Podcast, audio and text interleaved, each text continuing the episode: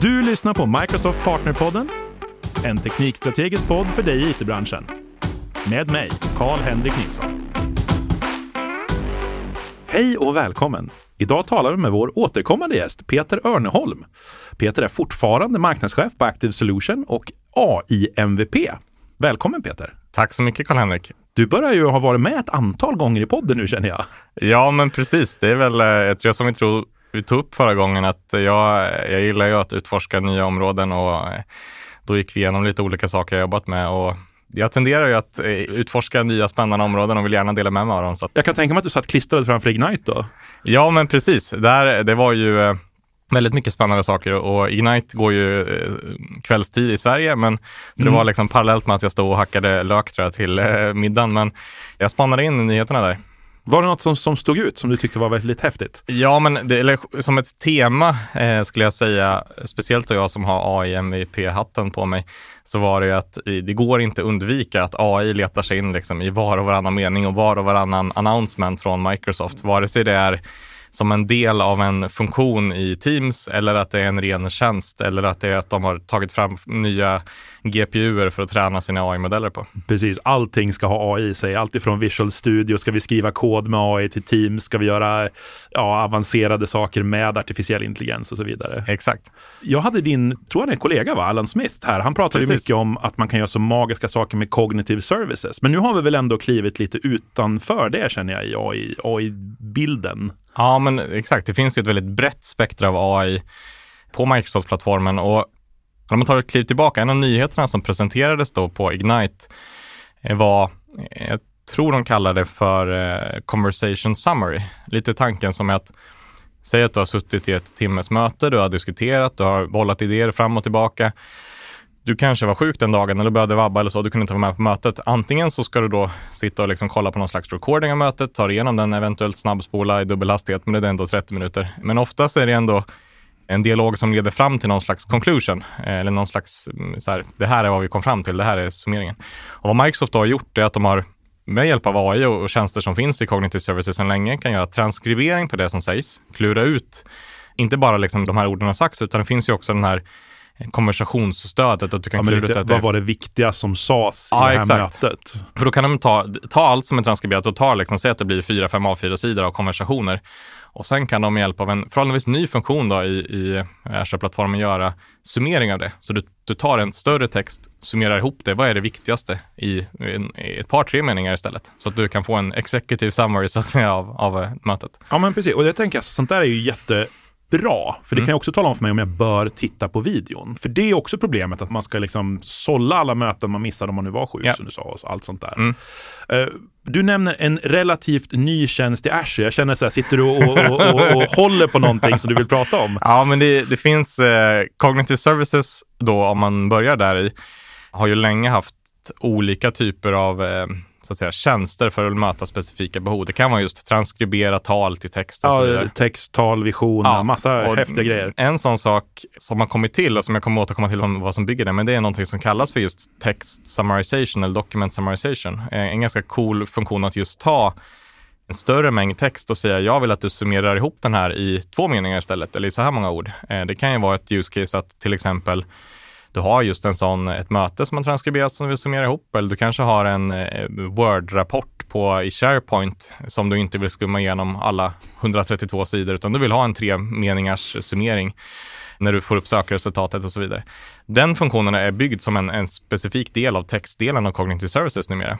Okej. Okay. Så du kan göra, där har de delat upp funktionaliteten som är att om du väljer att få så att säga bara att den bara plockar ut nyckelmeningar från befintlig text, då kan du använda det rakt av. Om du vill att den ska skriva, här kommer vi till det riktigt coola egentligen.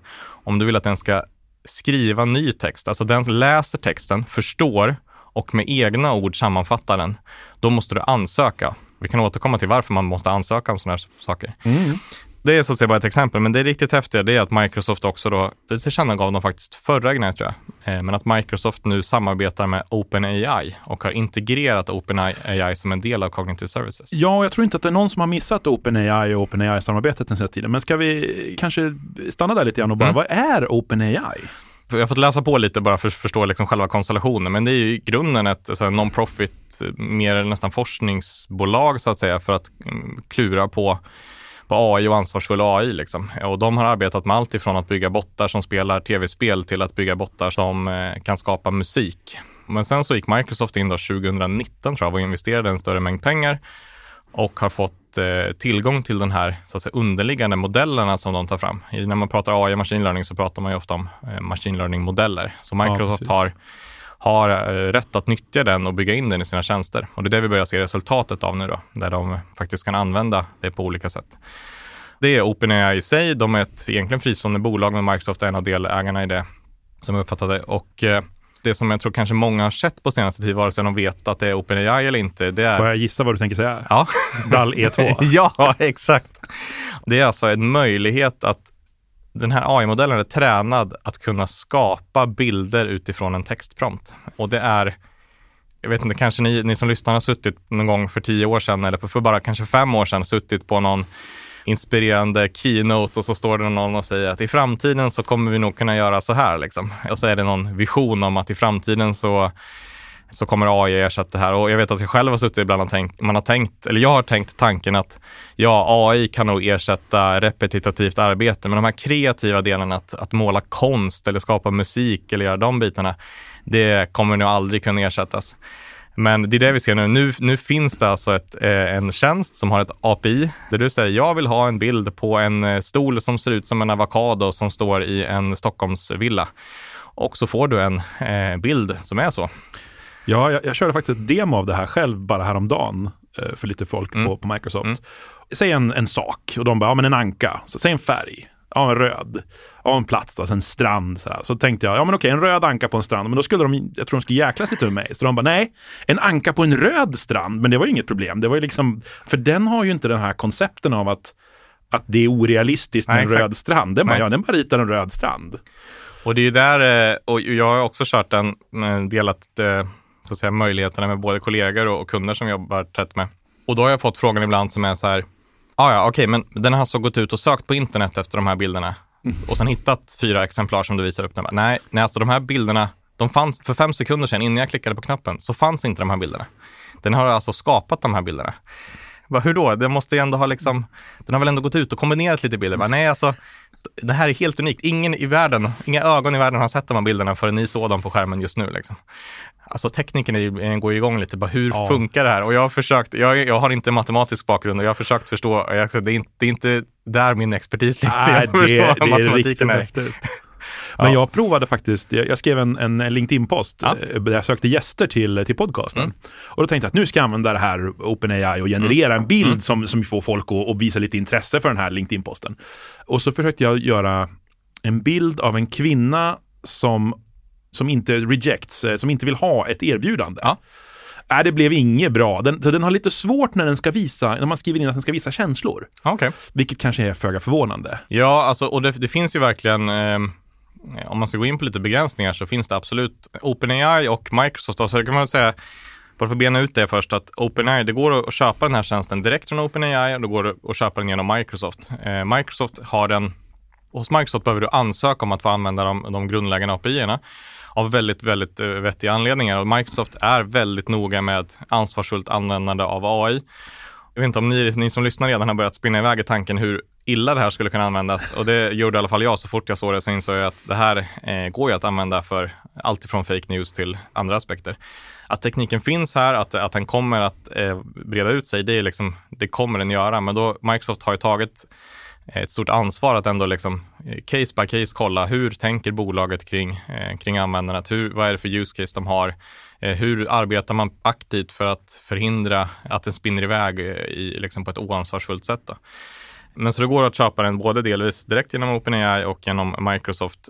Och när man kikar då på lite begränsningar som vi har sett när jag använder det och jag har använt primärt direkt av OpenAI än så länge.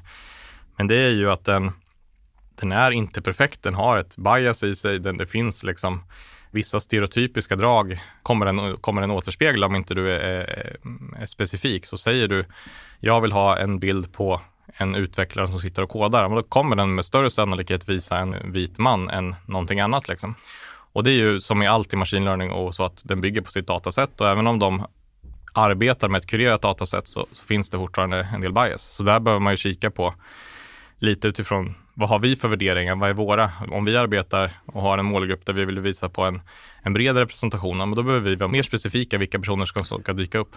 Men som du återkopplade till det du sa, att känslor och när man kommer in på ansiktsuttryck har jag också upplevt, där har den en del att arbeta på. Jag tänkte på det du sa tidigare om det här med textsummeringen. Mm. Och att även där var man tvungen att ansöka för, mm. för, för det här med responsible AI. Mm. För jag tror att många har ganska lätt att se, nu blev det väldigt mycket av en hudfärg eller mm. någonting sånt. Att okej, okay, det här kanske inte är så eh, mm. inkluderande. Det är ju intressant att man även har tagit det, tycker jag, ansvaret i text. Mm. Att, att nu skriver vi kanske en icke-inkluderande text. Och där är ju helt klart, eh, för jag har då testat den funktionen på ett exempel de själva har till exempel är så här, ja, men vi skickar in hela boken om Alice i Underlandet. Och sen säger vi, jag vill summera den här boken i först tre meningar, sen fem meningar och sen så hundra meningar. Så du kan alltså säga så här, ja men har jag lite längre tid då skulle jag kunna få en längre summering. Men har jag bara, jag hinner bara scrolla i ett, eh, i en bokshopsflöde, då kanske det bara ska vara en meningssummering.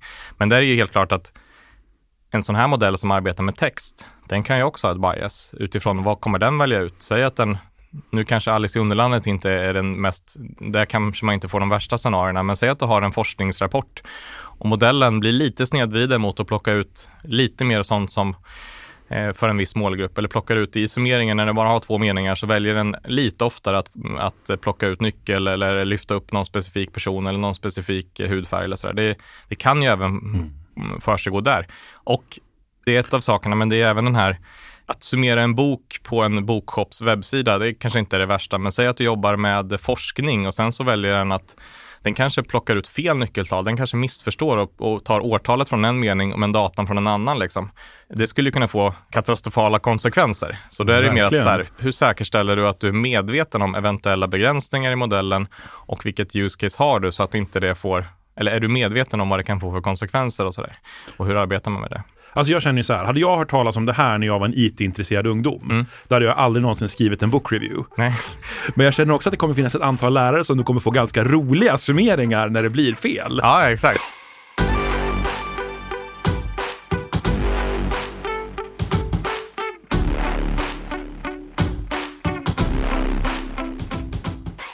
Det leder oss in på just när man pratar om studenter och sådär vi hade ett, en föreläsning på vårt kontor för ett tag sedan med lite summeringar från just Ignite och så hade vi kunder där och så blev det en bra dialog där eh, under, under föreläsningen med just om du säger att du skriver en, en uppsats på universitetet, liksom, det är ingen som kommer ifrågasätta att du använt ett rättstavningsprogram i Word för att korrigera. Du har skrivit texten, men Word går in och säger här har du stavat fel och så vidare.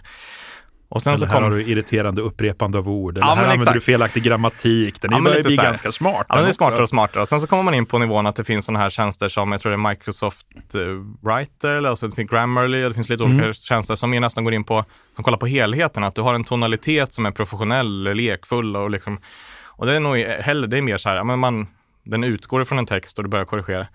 Och sen är det ju, det andra aspektet är ju snarare så här, hej, jag har skrivit en rapport här, men jag skulle vilja att eh, summeringen som är i början, den vill jag att automatgenerera liksom. Är det okej? Okay? När är du som student eller du som författare, när är du inte längre ansvarig för texten gentemot den som du ska skriva den till och så vidare? Det blir också på något sätt ett omvänt behov av responsible AI. Mm. För att om den skriver text åt dig, mm.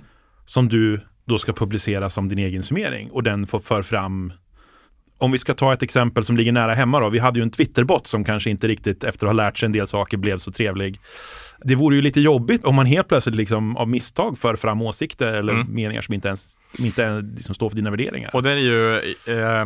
Och jag kan tänka mig att om du gör en, ett, ett dokument så ja. spelar det inte roll. Men om du säger att du gör boksummeringar på en webbsida kommer du inte läsa igenom alla boksummeringar det är en väldigt bra aspekt att kika på här. Det OpenAI säger i sina liksom, terms, och om man, det, är, det är öppet, så går man in på deras hemsida så finns ju alla sådana här, eh, det här är vad du godkänner och använder tjänsten. Och det är väldigt tydligt att det är du som använder vår tjänst som är som ansvarig. Det är inte så här, du ska påpeka att det har varit ett AI med i den här och det finns lite exempel på hur man kan göra. Men det är inte så att du kan på samma sätt som att så här, om du i Word byter ut ett ord som gör att, alltså du skulle ju kunna råka klick, klick, klick, jag accepterar alla rättstavningar. Och så, jag har varit med själv om att ibland så tror Word att den ska rättstava och så blir, får meningen en helt annan innebörd.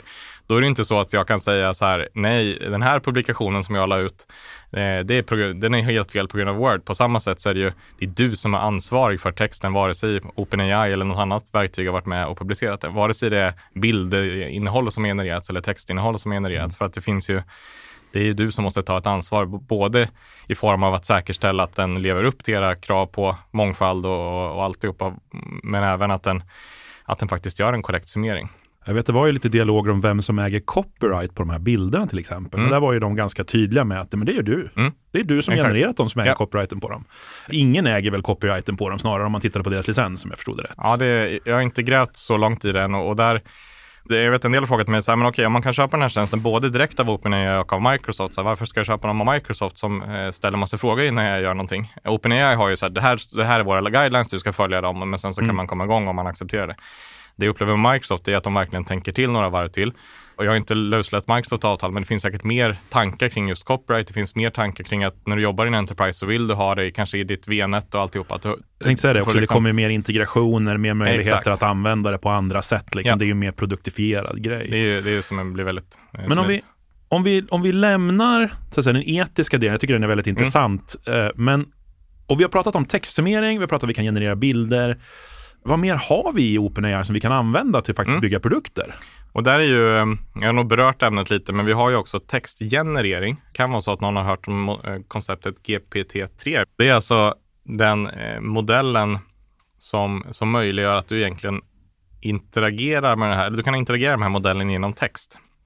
Du kan säga, ja men ett sådant exempel är just, här har vi lite text, här, eller har vi mycket text, var snäll och, eh, och summera den. Det går också att göra precis tvärtom. Eh, jag har till exempel testat att ta jag gick in och hoppade in och tog mina mötesanteckningar från OneNote när jag och min kollega Cecilia satt och planerade några föreläsningar. Då hade jag skrivit ner så här.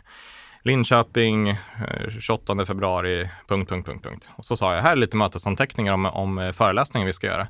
Var vänlig, skriv en eh, säljande text som, som vi kan lägga ut på våra sociala medier om att man borde gå på den här föreläsningen. Och då har den snappat upp alla nyckelfakta och så tog den de punktlistan och genererade en, så här, en eh, intro till som vi kunde sen med lite handpåläggning lägga ut på och säga att här är inbjudan till vår Svenug-föreläsning i Linköping. Liksom. Wow! Så där har man ju det omvända och där har vi även testat på olika, så här, när jag har laborerat med det själv och gått in på en webbshop för vare sig det är en laptop eller skor eller så, så ofta kommer man ju till någon slags här produktfakta, du vet den här tabellen som ändå är hårdfakta, att CPUn är det här och så många gigabyte och alltihopa. Och så bara copy-pasta in den och säga här är lite metadata kring en laptop eller kring ett par skor. Liksom. Skriv tre stycken rubriker som skulle kunna stå som fångar eh, läsarens eh, attention.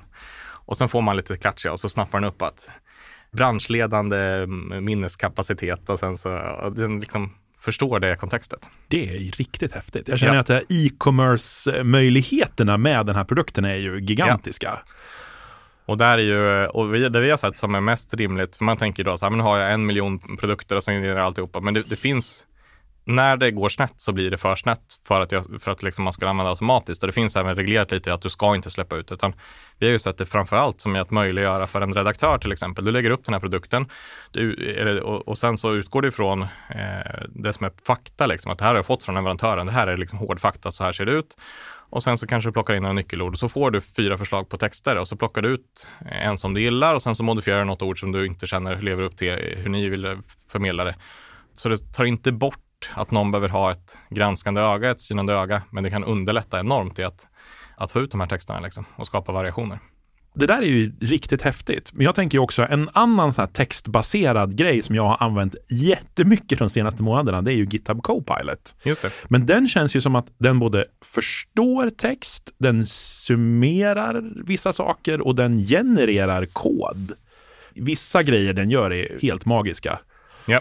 GitHub Copilot bygger på en modell som, som jag förstår är förädlad utifrån GPT-3.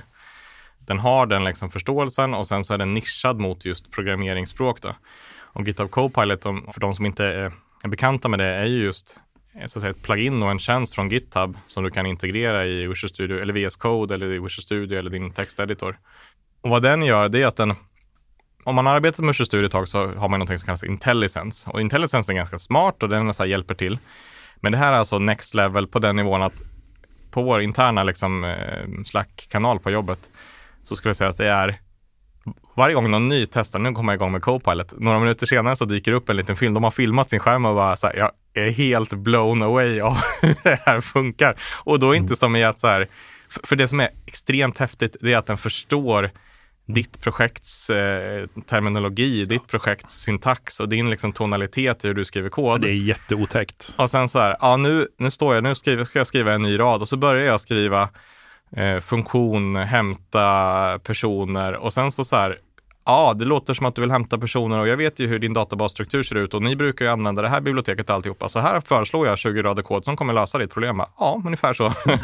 och sen så här, ja, jag ska ta in en ny parameter till min bicep-fil när jag sätter upp infrastrukturen som kanske ska vara då namnet på storage-kontot. Ja, men det verkar som att när du sätter upp ett storage-konto, då brukar du anropa den här och sen så brukar du göra det där.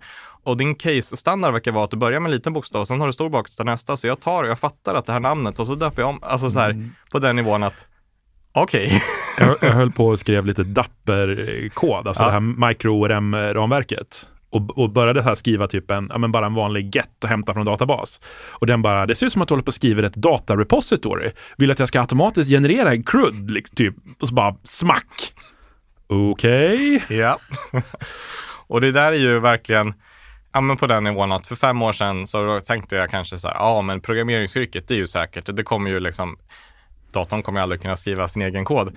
Jag har insett, jag ska aldrig säga aldrig, för det kommer, den kommer ersätta mig totalt säkert också i framtiden. Men just nu så känner jag att jag som, när jag har programmeringshatten på mig, det är ändå jag som behöver lyssna in och förstå eh, behoven i verksamheten. Jag behöver liksom omsätta, jag behöver kodgranska det den skriver. Jag behöver säkerställa att det att det blir, eh, att den faktiskt gör det den eh, säger sig göra. Den kommer själv inte ta initiativ just nu till att refaktorera koden. Den skriver dessutom inte alltid speciellt performant kod, utan det är ganska ofta jag känner att jag får gå in och faktiskt rätta till valen mm. har gjort. Ja, men här gjorde den en for each loop över en enumerable på ett sätt som inte är speciellt eh, bra. Just det. Och sådana grejer. Samtidigt så lägger jag hellre mer tid på det än att bara sitta och mm. skriva mm. boilerplate-kod. Ja. Så på det sättet är det ju väldigt trevligt. Men det är som du säger, det, det börjar bli lite, clo- lite too close for comfort, om man ska säga. ja, men, det, men, men som du nämnde också, det som är häftigt också är ju att den, den kan göra det omvända. Att om du kommer in i en kodbas, och jag förstår inte, här finns det liksom en hög komplexitet i den här koden, jag förstår inte vad den gör.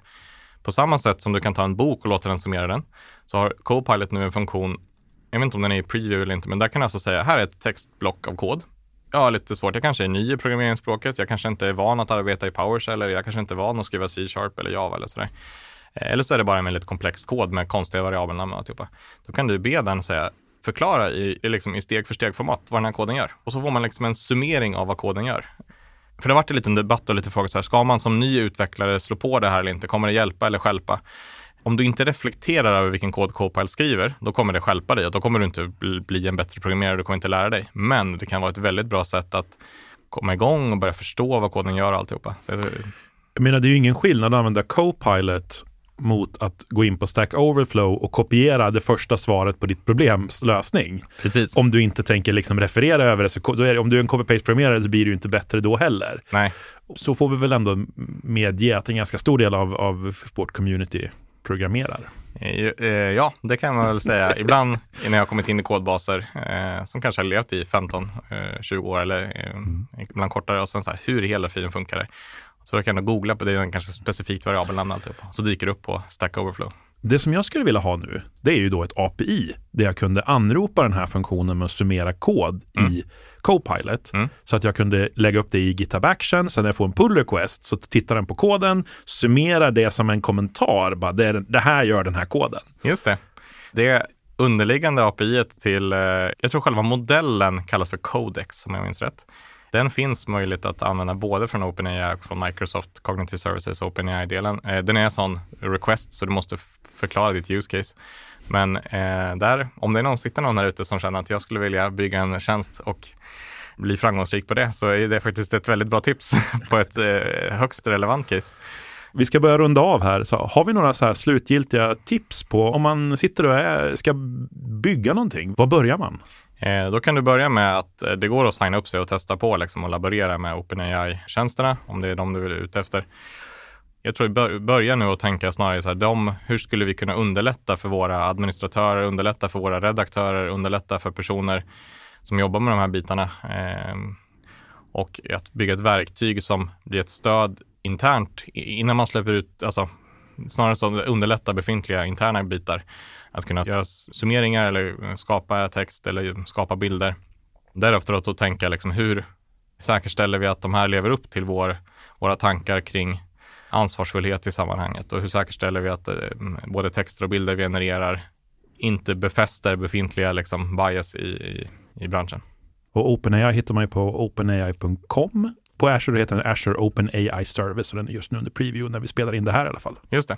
Kommer säkert vara ett tag till också ska jag tänka ja, mig. Ja, men det, den, har väl, den har funnits i preview något år och jag upplever att Microsoft skyndar långsamt för att liksom säkerställa att man arbetar eh, ansvarsfullt med det. Så det, jag uppskattar det. Stort tack för att du tog dig tid att komma hit idag Peter. Tack så mycket för att du fick komma. Du har lyssnat på Microsoft Partnerpodden med mig Karl-Henrik Nilsson. Som vanligt hittar du information och resurser på aka.ms partnerpodden.